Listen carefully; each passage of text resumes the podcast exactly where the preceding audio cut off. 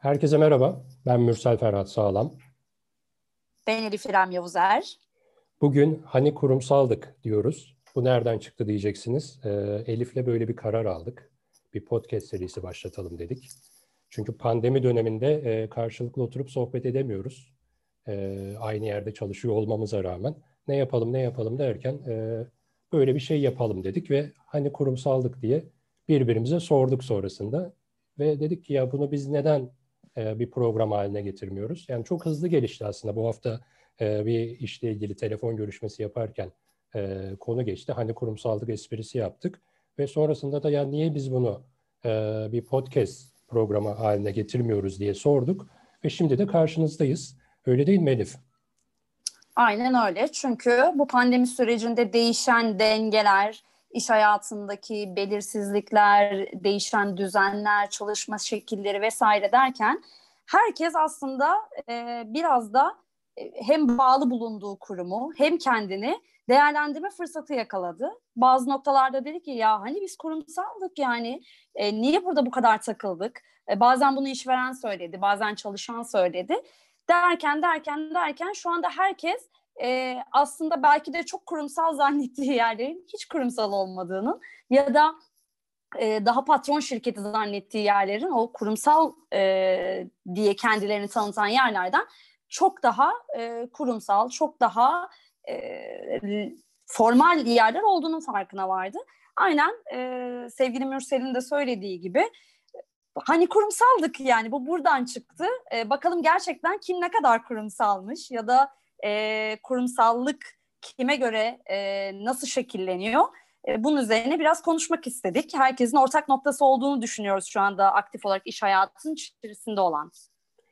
Evet yani e, kurumsallaşma kelimesi aslında iş hayatının içerisine giren herkesin ilk öğrendiği sanki böyle genlerimize işlemiş gibi e, kadim bir bilgidir aslında. Yani bir iş kurulduysa, bir şirket e, işliyorsa demek ki diyoruz ki ya burada bir kurumsallaşma var ya da öyle zannediyoruz. Yani bu bir kadim bilgidir aslında. Dediğim gibi iş hayatının içerisinde olan, daha doğrusu kapitalizmle birlikte diyelim ya da sanayi devrine devrimine kadar götürelim işi. Herkes öyle yapıyor bir kavramı anlatırken. Biz de öyle yapalım. Yani e, sanayi devriminden beri herkes kurumsallaşmaya çalışıyor. Ama becerebiliyorlar mı? Yani bu kadar uzman var, bu kadar dijitalleşme var. Şimdi pandemiyle birlikte daha da dijitalleşti her şey.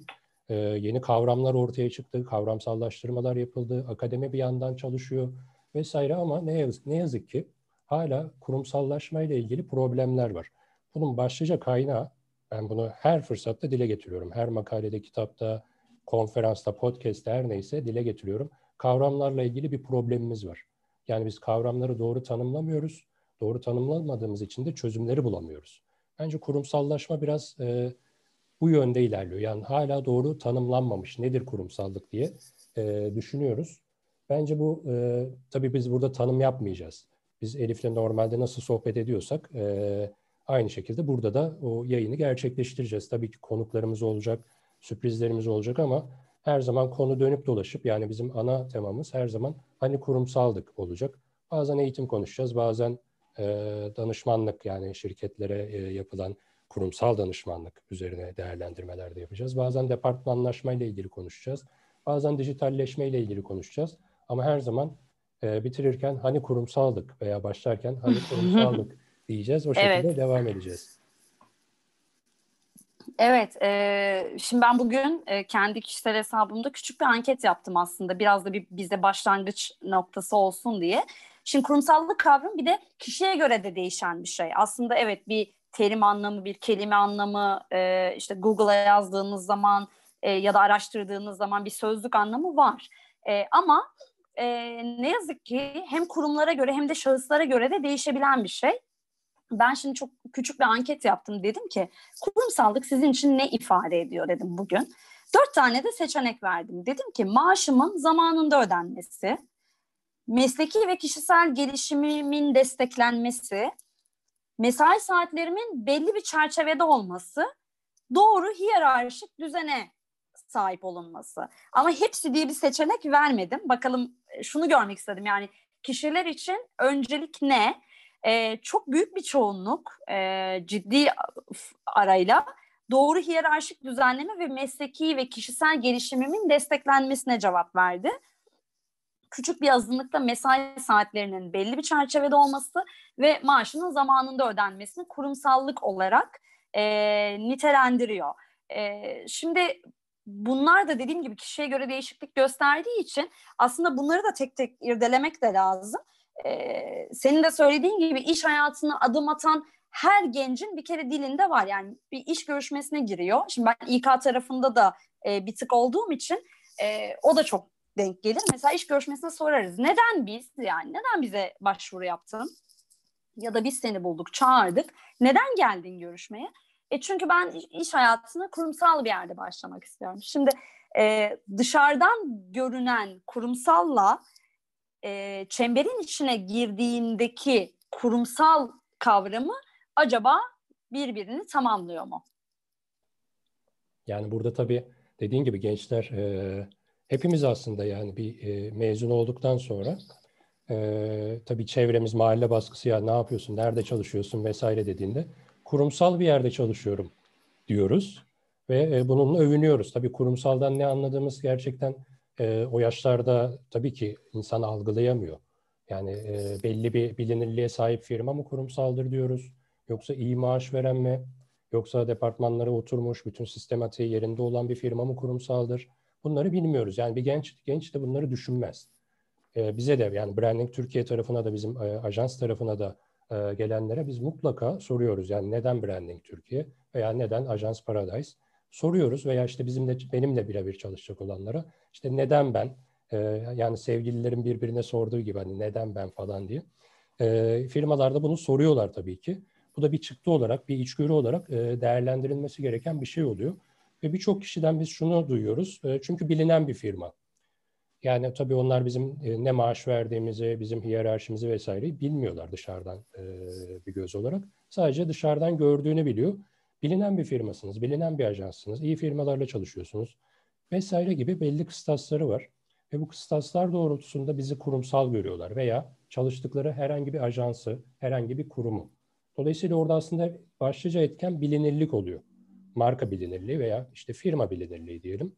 Ama orada da yine kavramsal karmaşa var. Yani bilinirlikten ne kastediyoruz acaba? Yani bu biraz da tabii şimdi dinleyenler de böyle felsefi bir sohbetin içerisinde bulacaklar kendilerini. Çünkü biz sadece dediğimiz gibi kendi aramızda nasıl konuşuyorsak bu yayını öyle yapacağız. Yani burada bir soru cevap vesaire yok. Bizim kafamızı kurcalayan ve sürekli belki her gün tartıştığımız, konuştuğumuz konular bunlar. Çünkü danışmanlık yapıyoruz biz. Elif de, ben de e, firmalara. E, bazen kobi oluyor, bazen girişim oluyor, bazen e, bir holding düzeyinde bir firma oluyor ve e, sürekli gündemimiz hep aynı oluyor. Ya kurumsallık, kurumsallık, işte bilinirlik vesaire. Firmalar bunu e, talep ediyor ya bundan dolayı geliyorlar. E, biz de buna yönelik strateji hazırlayıp ve sunuyoruz. Ama bazen memnun kalmayabiliyorlar tabii ki bundan. Çünkü onların kurumsallık algısı çok başka olabiliyor. Peki soru cevap yapmayacağız dedin ama ben sana e, bir soru soracağım bu konuyla ilgili. Senin bu e, COBİ'lerle, daha büyük holdinglerle daha fazla tecrüben olduğu için. Her kurum e, ya da e, her firmada kurumsallaşmaya müsait mi? Yani her firmayı kurumsallaştırabilirim ya diyebiliyor muyuz? Evet diyebiliyoruz. E, yeter ki bizimle çalışsınlar diyelim. Böyle araya reklam da verelim yani. Şimdi e, neden böyle bir şey diyoruz? E, şimdi benim en büyük avantajım Tabii kimse kara kaşı kara gözü için e, birinden danışmanlık almaz yani. Çok güzelmişsin, çok yakışıklıymışsın diye kimse kimseye gitmez. Firmalar özellikle para ödedikleri bir yere e, çok böyle inceleyip sık dokuyorlar. Benim en büyük avantajım birincisi akademik kariyer. Çünkü ben akademinin içerisindeyim yani 17 yaşında üniversiteye başladım hala e, şu an 31 yaşındayım hala devam ediyorum akademinin içerisindeyim. E, ikincisi de üniversiteye başladığım yıl itibariyle işe de başladım. Dolayısıyla 17 yaşı itibariyle profesyonel iş hayatının da içerisindeyim. En büyük avantajım da bu. Yani 22 yaşımda kendi girişimimi kurdum. Dolayısıyla iş hayatını çok deneyimledim. Yani e, gerçekten bir KOBİ düzeyinde, KOBİ 6 diyebileceğimiz yani küçük işletme düzeyinde diyelim. Firmalarla da çalıştım. Girişimlerle, startuplarla da çalıştım. E, çok büyük holdinglerin e, işte kurumsal departmanlarında da çalıştım. Tabii e, benim bir de yazarlık, edebi yazarlık yönüm de var. Sadece sektörel içerik üretmiyorum. Ee, orada gözlem yapıyorsun. Tabii iyi bir romancı iyi bir gözlemcidir.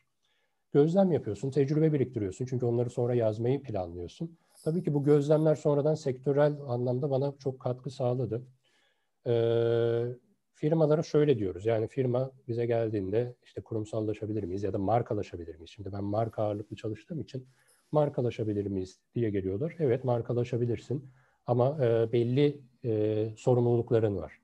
Eğer bu sorumlulukları yerine getiremiyorsan markalaşamazsın. Yani istersen Türkiye'nin en büyük holdingi ol. E, sermaye bakımından en e, zengin firma ol yine kurumsallaşamazsın. Philip Kotler birkaç yıl önce İstanbul'a geldiğinde şöyle bir şey söyledi.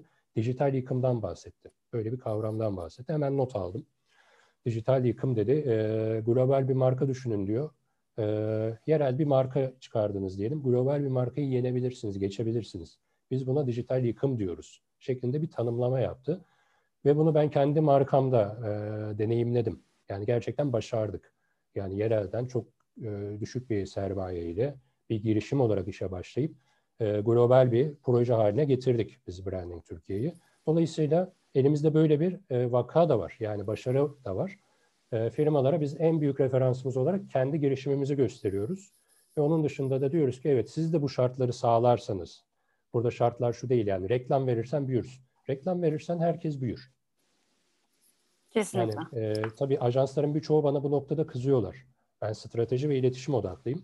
Ama birçok ajans veya birçok uzman diyelim reklam odaklıdır. Yani reklam verelim stratejik, evet stratejik performans pazarlaması odaklı reklam çalışmaları evet avantajlı ama biz acaba çok daha minimum e, reklam bütçeleriyle hatta sıfıra yakın bütçelerle nasıl büyüyebiliriz? Bence asıl olan bu. Yani COBİ'lerin de e, bakış açısına daha sonradan ileriki yayınlarda konuşuruz. Yani COBİ'ler şunu söylüyor. Yani ben bir uzman çalıştırıyorsam, bir departmanım varsa ben bir daha reklama niye para ödüyorum ki? Yani buna bu çok saçma gelebilir ama inanın birçok COBİ'nin düşünce yapısı bu şekilde. Hak veriyor musun dersen bir nebze hak veriyorum. Evet bir kadro kuruyorsun, bir departman oluşturuyorsun. Ekstra bir de e, çok yüklü miktarda reklam bütçeleri ayırman isteniyor. O zaman bu e, oluşturduğun kadronun stratejik olarak bazı eksiklikleri var demektir. İletişim ve içerik üretimi bakımından veya içerik pazarlaması bakımından bazı eksikleri var demektir. Bence e, reklama odaklanmak yerine ya da reklama abanmak yerine var olan kadronun strateji, iletişim ve içerik odaklı geliştirilmesi lazım. O da sürekli eğitim dediğimiz, kurum, kurum içi sürekli eğitim dediğimiz bir konu. Bunu bu yayında konuşmayacağız. Her şeyi burada bitirmeyelim. ee, ileriki bölümlerde konuşacağız. Yani evet işin özeti e, her kurum, her girişim, her işletme markalaşabilir, kurumsallaşabilir, sermaye fark etmeksizin. Biz yapıyoruz yani ben birçok girişim ağında mentor olarak bulunuyorum. Onları kurumsallaştırıp yatırım almalarını sağlıyoruz. Demek ki aslında bir girişimci yani aslında e, çok böyle afaki belki kabul edilmeyecek bir kavram kullanacağım. Cebinde parası olmayan ama girişim yapan, girişimi büyüten ve yatırım alan insanlar çok tanıdım. Bizim vesilemizle de çok oldu. Dolayısıyla bunu rahatlıkla söyleyebiliyorum. Evet, cebinizde hiç para olmasa da bir nebze e, eğer bir bütçeniz varsa o şekilde e, kurumsallaşabiliyorsunuz ama doğru adımlarla, doğru stratejilerle. Yani 10 liranız var, 10 liralık kurumsallaşırsınız. 1 milyonunuz mu var, 1 milyonluk kurumsallaşırsınız. Önemli olan bütçeyi çok böyle doğru bir şekilde optimize edip doğru bir şekilde harcamak. Yoksa ben kurumsallaşamam diye hiçbir şey yok. Bireyler de kurumsallaşabilir, e, firmalarda. O zaman şöyle diyebilir miyiz? Kurumsallaşmak önce beyinde başlıyor. Ee, bir karar karar vermekle başlıyor. Ee, ama şöyle bir şey de yok herhalde değil mi? Ben çünkü genellikle bu arada e, kesinlikle değinmek istediğim bir şey var. Özellikle e, gerçekten kurumsal yerlerde çalışmak isteyenler bence her e, iş hayatının içinde olan herkes e, hayatında bir defa minimum bir patron şirketini deneyimlemeli. Yani bir kere patron şirketinde çalışmalı e, ki aradaki farkı görebilsin, o aradaki balansı yapabilsin. Artı e, kurumsallaşmak derken şu da değil herhalde değil mi? Yani evet ben kurumsallaşmak istiyorum. Bunun için profesyonel bir destek alıyorum, bir yardım alıyorum. Örneğin işte Mürsel Sağlam'la anlaşıyorum. Gel diyorum beni kurumsallaştır. Ee, hem ipleri tamamen ona bırakmak değil ama bir noktada da e, artık iradeyi e, gerekli departmana ya da işte irade olarak kıldığın mekanizmaya bırakmak değil mi? Yani ben hem kurumsallaşayım, adım kurumsal olsun, iş, işletmem kurumsal olarak nitelendirilsin ama ben de her şeyin böyle e, didik didik içinde olayım. Mutlaka her şeyde e, parmağım olsun, her noktada bir söz hakkım olsun, benden habersiz kuş uçmasın. E, bu ikisi aynı anda olmuyor ama. Evet olmuyor. Yani e, patron şirketlerinde bunu çok yaşıyoruz. E, çünkü babadan devralıyor, dededen devralıyor şirketi ve bir sorumluluğu var. E, daha ileriye götürmesi gerekiyor. Bu sorumlulukta da özellikle şu dönemde yani içinde bulunduğumuz e, yıllar içerisinde hem avantajlı oldular hem dezavantajlı oldular. Çünkü dijital gibi bir avantaj var, dijital gibi bir dezavantaj var. Yani bu iyi yönetilmediği için e, süreci devralan, şirketi devralan kuşak, aile şirketlerinden bahsediyorum özellikle veya bir patron e, dijitalleşmek istiyor ama e, birçok mağduriyetle yaşadığı için bu dijitalleşme ile ilgili e, problemler yaşıyor. Yani maddi kayıplar yaşıyor, manevi olarak moral bozuklukları yaşıyor ve e, o zaman da çok müdahale etmek istiyor. Çünkü şöyle diyor, ben daha önce hiç müdahale etmemiştim, başımıza bunlar geldi. E, ben bundan sonraki süreçte çalıştığım ajansa veya uzmana müdahale edeyim ki en azından bu kadar mağdur olmayayım diye. Yani o zaman da şöyle bir şey oluyor, ben de şöyle diyorum. Bir önceki e, yaşamınızda başınıza gelen olumsuz şeyleri cezasını neden e, sonraki çalıştığınız ajans, sonraki çalıştığınız uzman veya departman çeksin ki yani? Bunun cezasını niye biz çekelim? Eğer bu iş gerçekten profesyonel bir şekilde yapılırsa zaten e, bu denetime o kadar derinlemesine gerek yok. Evet denetim yapılacak ama biz onlara da yani bizim sektörde müşteriyi eğitmek diye bir tabir vardır. Biz ilk toplantımızda böyle işte 10 dakikada toplantı yaptık, sözleşme imzaladık, başladık demeyiz. Mutlaka e, müşteriyi eğitmek dediğimiz bir olgu vardır. Bu olgu etrafında e, işimizi planlarız, stratejimizi kurgularız. Yani önce müşteriyi eğitiriz biz işe başlarken.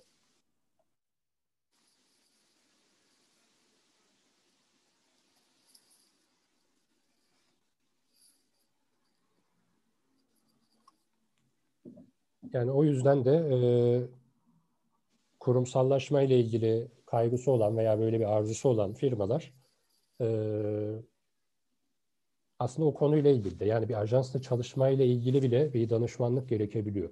Yani ben burada firmalara, ben 2016 itibariyle Ajans Paradise evet faaliyetini devam ettiriyor ama çok aktif değil. Biraz daha pasifize ettik çünkü ben 2016 itibariyle danışmanlığa döndüm. Ve orada evet ajans olarak hizmet etmemiz gereken firmaya yine ajans olarak hizmet ediyoruz ama ağırlıklı olarak firmaların bireysel danışmanlıklara ihtiyaçları oluyor. Ve e, biz orada şunu bile sağlıyoruz yani e, hangi ajansla çalışması gerekir? O ajansla çalışırken e, neleri dikkat etmesi gerekir? Neyi nasıl raporlaması gerekir? Neyi nasıl sunması gerekir gibi birçok detayı e, anlatıyoruz. E, belki öğretiyoruz. Çünkü onun bile danışmanlığa ihtiyacı oluyor yani bir ajansla çalışmanın bir uzmanla çalışmanın bile e, öğretilmesi gerekir. Çünkü patron şirketlerinde, aile şirketlerinde dediğim gibi şu döneme kadar, şu yıllara kadar e, böyle bir şey yoktu. Yani firmalar bir şekilde üretirdi ve kazanırdı. Satardı ve kazanırdı. Çünkü böyle bir rekabet yoktu. İnsanlar da tüketim odaklıydı. Çünkü temel ihtiyaçlar üretiliyordu. Yani şu anda işin içine e, bilmiyorum temel ihtiyaç olarak herkes ya evet ben sadece temel ihtiyaçlarımı alıyorum başka da hiçbir şey almıyorum diyen herhalde yoktur. E, sürekli yeni bir şeyler alıyoruz, yeni şeyler görüyoruz ve satın alıyoruz. Ben geçen gün e, selfie e, ışığı aldım böyle çember şeklinde. İhtiyacın mı vardı diyeceksin. Hiç çekim yaptın mı? Yapmadım. Ama e, aldım. E, çok merak ediyordum. Kullanacağım. Yani böyle e, evet işimizle de bağlantılı. Belki oradan e, video çekelim evet. diye düşündük ama yani temel ihtiyaç mı? Değil. Öyle Değil tabii ki değil ee, ama yani insanların buna da ihtiyacı yok mu ya? Yani şimdi e, hayat devam ederken tabii, bir akışın tabii. içindesin. Zaten çok zor bir süreçten geçiyoruz son bir yıldır. Ay, bir yılı da geçti. E, zaten çok zorlu bir süreç, çok sıkıcı bir süreç. İnsanların sürekli kendileriyle ilgili bir e, yenilenme isteği, yeni bir şey deneme isteği e, olduğu yerde yani ben çok insandan duyuyorum ki şunu ya ne lüksümüz var ki? Zaten bir yere çıkamıyoruz, bir şey yapamıyoruz, bir araya gelemiyoruz. Mesela ben şeyi çok eleştiriyorum böyle. Çok teknolojik bir işi olmayan işte bizim gibi yayıncılık, medya vesaire bu tarz e, içerik üretimi gibi bir işi olmayan kişilerin böyle çok son model teknolojik araçlar kullanıyor olmasını ben şahsi olarak çok eleştiriyorum işte. Yani diyorum ki e, bilmem ne markanın işte bilmem ne prosu çıkmış telefonda ya. Senin ne ihtiyacın var ki? Yani sen alo diyorsun en fazla bir WhatsApp kullanıyorsun Instagram kullanıyorsun işte Twitter'a giriyorsun haber bakıyorsun konu başlığı bakıyorsun. Hani çok da böyle senin gereğin olmayan bir şey yani. Bu sadece telefon örneği. Hani bu başka bir şey de olabilir. Bir ev eşyası da olabilir. İşinle çok alakalı değilse, e, sana gerçekten maddi olarak bir kazanım sağlamayacaksa onu o kadar e, yatırım yapmanın çok önemli olmadığı kanaatindeyim. Ama son zamanlarda böyle eleştiriler getirdiğim e, birçok kimseden şöyle bir geri, dön- geri dönüş alıyorum. Yani e, ya Elif zaten ne lüksümüz kaldı ki dışarı çık desen çıkamıyoruz. İşte bir yere bir yemek yemeye gidemiyoruz. Bir 3-5 kişi bir araya gelemiyoruz. E, Birçok e, şeyden feragat etmiş durumdayız. Zaten istesek de o paraları artık eskisi gibi harcayamıyoruz. Ama bir lüksümüz bu var işte evde oturuyoruz, dizi izliyoruz, film izliyoruz, işte Instagram'a giriyoruz, bakıyoruz. Başka ne lüksümüz varken bu, bunu da mı almayayım artık, bu da mı olmasın? Dolayısıyla dediğin gibi insanların bu pandemi süreciyle beraber e, hayatlarındaki öncelikler de değişti. Belki adamın hani bir laptop ihtiyacı öncelik değildi. Sadece iş için kullanıyordu. 2-3 tane mail atıyordu. İş yerinde zaten vardı. E, onunla devam ettiriyordu görüşmelerini, yazışmalarını. Ama ne yaptı pandemi sürecinde işte evdeki televizyona bağlayabilmek için, e, daha fazla dizi izleyebilmek için, daha fazla e, film izleyebilmek için, daha fazla e, kaliteli vakit geçirebilmek için belki gitti laptop aldı. Yani hiç ihtiyacı yoktu normal şartlarda. Ee, aslında hem dezavantajı oldu bu sürecin hem avantajı oldu. İnsanlar kendi kendilerine kaldılar. Dediğim gibi birçok şeyi sorguladılar. Ee, birçok şeyi e, masaya koyup düşünme fırsatları oldu vesaire. Ama evet tüketim çılgınlığını da arttırdı pandemi süreci. Ee, birçok ihtiyacımız olmayan şeyi almaya başladık e, online eğitimlere girmeye başladık daha fazla. Biz çok giriyorduk gerçi seninle ama e, daha fazlasını yapmaya başladık. Yani iyi tarafları da var, kötü tarafları da var. E, şimdi temel ihtiyaçlarından geldik bu konuya da. Temel ihtiyaçları da insanların e, iyi yönde de değişti. Yani evde otururken insanlar online eğitim almanın ya da işte e, online'dan daha kaliteli şeyler yapabileceklerinin farkına vardılar. Ve birçok arkadaşım da ya evet bu ben online eğitim mesela çok alan bir insanım. Çok uzun yıllardır bunu yapan bir insanım. Ee, birçok kişiye söylediğimde ya ne gerek var hani aynı paraya yüz yüze eğitim vardı diyorlardı. Şimdi mesela dediler ki ne kadar doğru söylüyormuşsun işte zamandan tasarruf en başında konuştuk ya nakitten tasarruf, vakitten tasarruf daha verimliymiş, şöyleymiş, böyleymiş işte sertifikası ayağımıza geldi şöyledir böyledir. İnsanların temel ihtiyaçlarının da ben değiştiğini düşünüyorum. Bu arada sen dedin ya işte selfie e, ışığı aldım dedin değil mi? Evet, Yanlış evet. hatırlamıyorum. Selfie ışığı aldım. Yani mesela belki de çok işine yarayacak bir şey. Henüz denemedin ama Tabii. belki de çok işine yarayacak. Aa niye daha önce almamışım diyeceksin. Tabii belki daha çok TikTok videosu çekeceğim.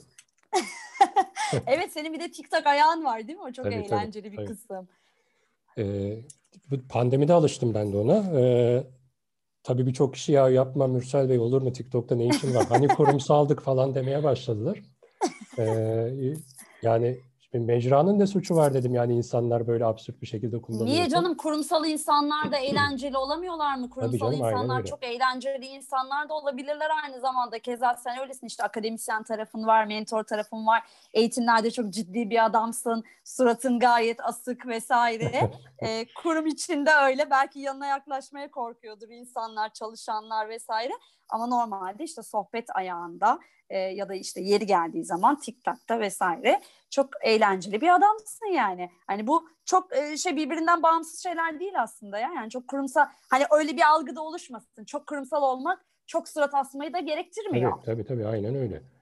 Yani olabildiğince şab- e, tabii firmalarda bu e, kurumsallık süreçlerini yönetirken e, samimiyetle e, yılışıklık arasındaki dengeyi sağlamak diyorum. Yani şimdi tabii danışmanlıkta bir eğitim gibi olduğu için e, bunları anlatıyoruz. Tabii firmalarda ya olur mu biz samimi davranıyoruz, yılışık davranmıyoruz diyorlar ama tabii ben e, hazırlıklı gidiyorum ve e, yaptıkları paylaşımların ve analizlerine e, çıkararak gidiyoruz. Tabii bunun içerisinde birçok e, metrik var yani sadece biz dijital araçları kullanarak işte bu paylaşım şu kadar like almış o yüzden orada samimisin veya işte burada şu kadar like almış burada çok resmisin şurada şöyle olmuş bu çok yılışık davranmışsın demiyoruz. Bunun nöropazarlama tarafı var, psikoloji tarafı var. Ya birçok da işte davranışsal e, psikoloji var, davranışsal ekonomi var vesaire birçok kavram işin içerisine giriyor. Benim gibi de böyle kavramlar üzerine sürekli çalışan, kafa yoran, e, bunun delisi olmuş bir adam da tabii bunları sürekli dile getiriyor. Yani bu firmaların da işine yarıyor. Yani diyoruz ki e, burada şöyle bir problem var. Yani samimiyet şeyini aşmışsınız diyoruz. Nereden anladınız? Tabii birçok metrikten biz bunun sonucunu çıkarıyoruz. Hatta e, web sitelerindeki ısı haritalarını bile kullanarak bakın buradaki ifadeler dikkat çekmiş, buradaki ifadeler dikkat çekmemiş şeklinde e, yorumlar yaparak yani benim işim biraz da e, oturayım işte yazılımı hazırlayayım, e, mobil uygulamayı tasarlayayım veya bir e, işte grafik tasarımla ilgileneyim, reklamın e, optimizasyonunu yapayım ya da içerik üreteyim değil.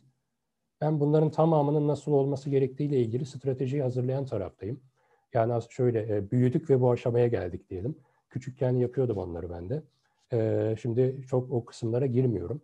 Çünkü o işler e, işi strateji olan insanın strateji üretemez hale getiriyor. Yani işin esprisi tabii bir yana çok değerli bir süreç. Kendi girişimimde tabii ki bütün süreci ben kendim yine yönetiyorum. Yani içerikten tut, işte onaylanma vesaire bütün süreçlerde ben varım. Ama bir firmada danışmanlık sürecinde bir kurumsal iletişimcinin işine karışmıyorum. Bir grafikerin işine karışmıyorum veya bir yazılımcının işine çekil kenara ben yapacağım demiyorum. İşte kodlarla uğraşmıyorum vesaire. Bunu kastediyorum aslında. Çünkü onlar işin uzmanı ve onlar o işi yapmak mecburiyetindeler. Bu sefer şöyle bir şey oluyor. Firma diyor ki madem sen her şeyi yapıyorsun o zaman benim bu departmana ne işim, ne ihtiyacım var? Yani biz bunu da istemiyoruz. Biz istiyoruz ki bu departmanın en stratejik şekilde işi üretmesi ve bu işten de maksimum verimlilik alabilelim. Yani tabii çok e, deneyimlerimiz var. Keşke isim vererek paylaşabilsek ama paylaşamıyoruz. Ama şu an Türkiye'de işte yatırım almış, büyümüş, e, globale açılmış, e, holdingleşmiş, borsaya girmiş vesaire birçok firmada e, mutlaka bir temasımız, bir bağımız mutlaka olmuştur. Bu tabii beni memnun ediyor. Bunu ben bildiğim için memnun oluyorum ama e, öte yandan da e, bunu çok ifade edemiyoruz. İfade edememe nedenlerimiz biri de işte firmalar e, bunu e, bir gizlilik politikası olarak düşünüp e, aman bunu aman bizim senden danışmanlık aldığımızı kimseye söyleme. Bunu bir referans olarak gösterme çünkü biz danışmanlık alamayacak kadar iyi bir firmayız gibi bir algı var. Tuhaf bir algı. Yani biz e, ajanslardan da bu çok oluyor. Ben yurt dışında üç tane ajansa danışmanlık yapıyorum. Türkiye'de de İstanbul'da, Ankara'da, Bursa'da, İzmir'de toplamda bir 4-5 ajansa e, yine böyle strateji ve iletişim odaklı danışmanlıklar yapıyorum. Bu ajanslarda çok kaliteli yazılımcılar var. Çok işinde çok iyi ödüllü grafikerler, tasarımcılar var. İşinde çok iyi içerik üreticileri var.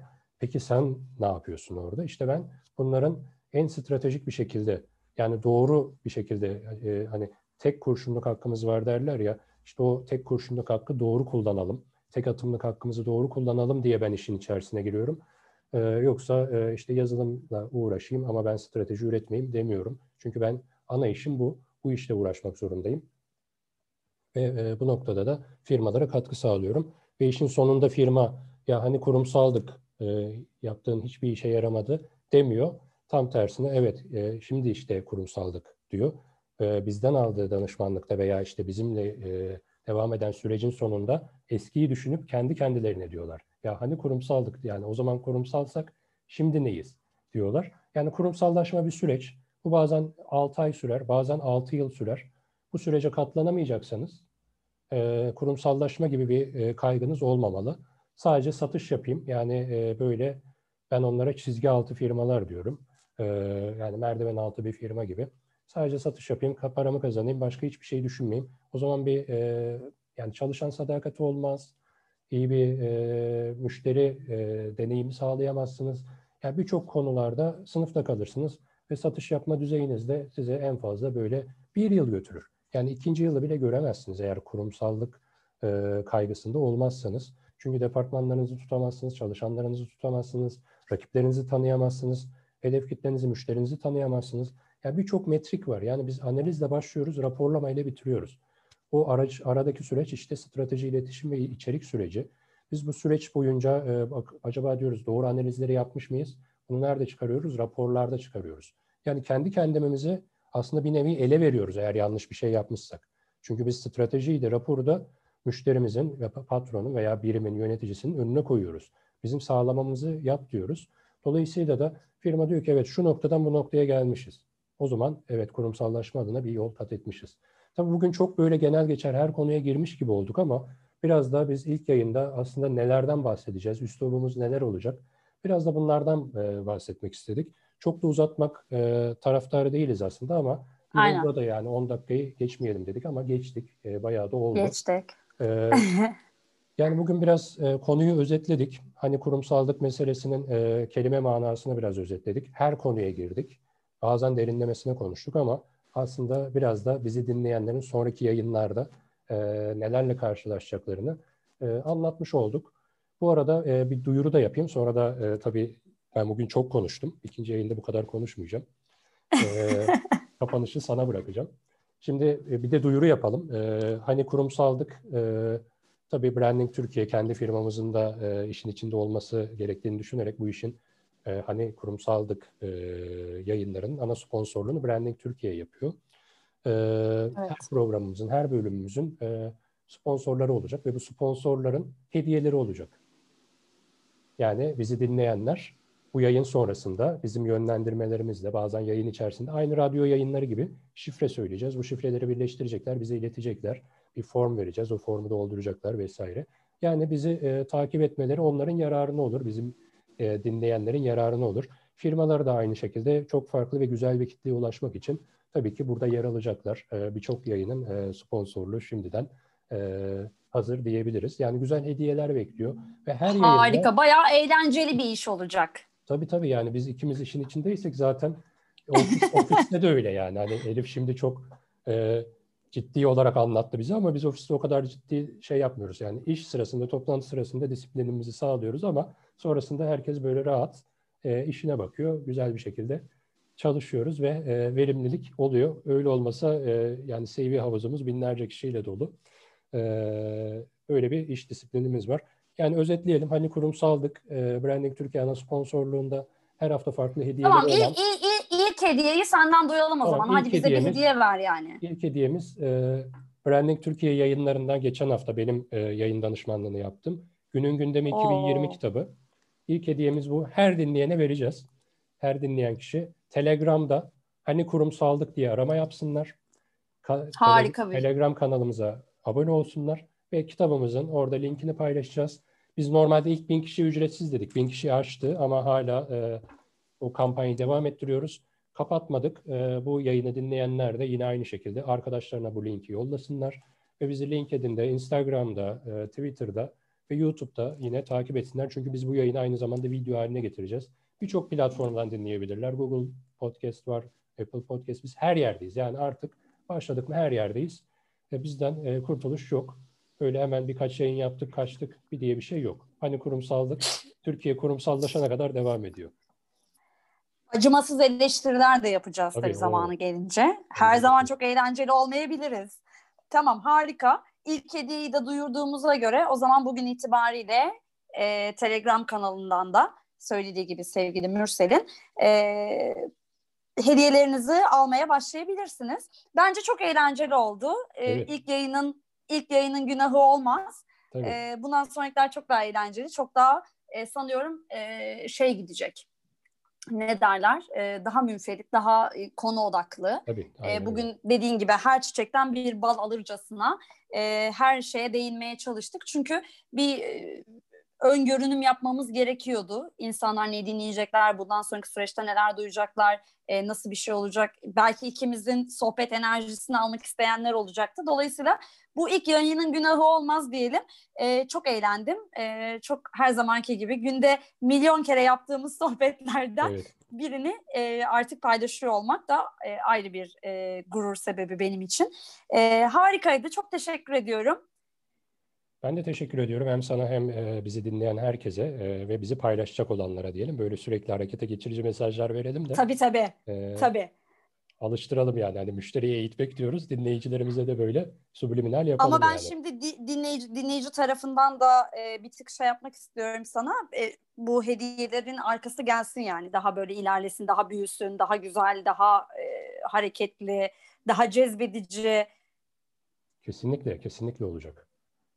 Tamam harika. Bunun da sözünü dinleyiciler adına almış olduk o zaman. O zaman ikinci yayında görüşmek üzere. Evet görüşmek üzere. Herkes kendine iyi baksın. Evde kal diyelim. Ne kadar evde kalmaktan dolayı e, sıkılsak da. evet evde kalalım. Bizi dinleyelim. Kaliteli vakit geçirelim. İkinci yayına da e, düşünelim bakalım kurumsallık neymiş. E, ben yine kendi şahsi hesabımdan da Hadi kurumsallık hesabından da anketlere devam edeceğim. E, biraz daha böyle kamuoyu yoklaması yapıp e, ikinci yayında belki insanların daha merak ettiği ya da üzerine daha fazla eğildiği ya da belki bu pandemi sürecinde özellikle daha fazla e, rahatsız oldukları şeylere e, değinebiliriz. Onu biz aramızda konuşup artık ikinci yayının e, gündemini belirleyeceğiz. Evet o zaman hoşçakalın diyelim. Hoşçakalın. Görüşmek üzere.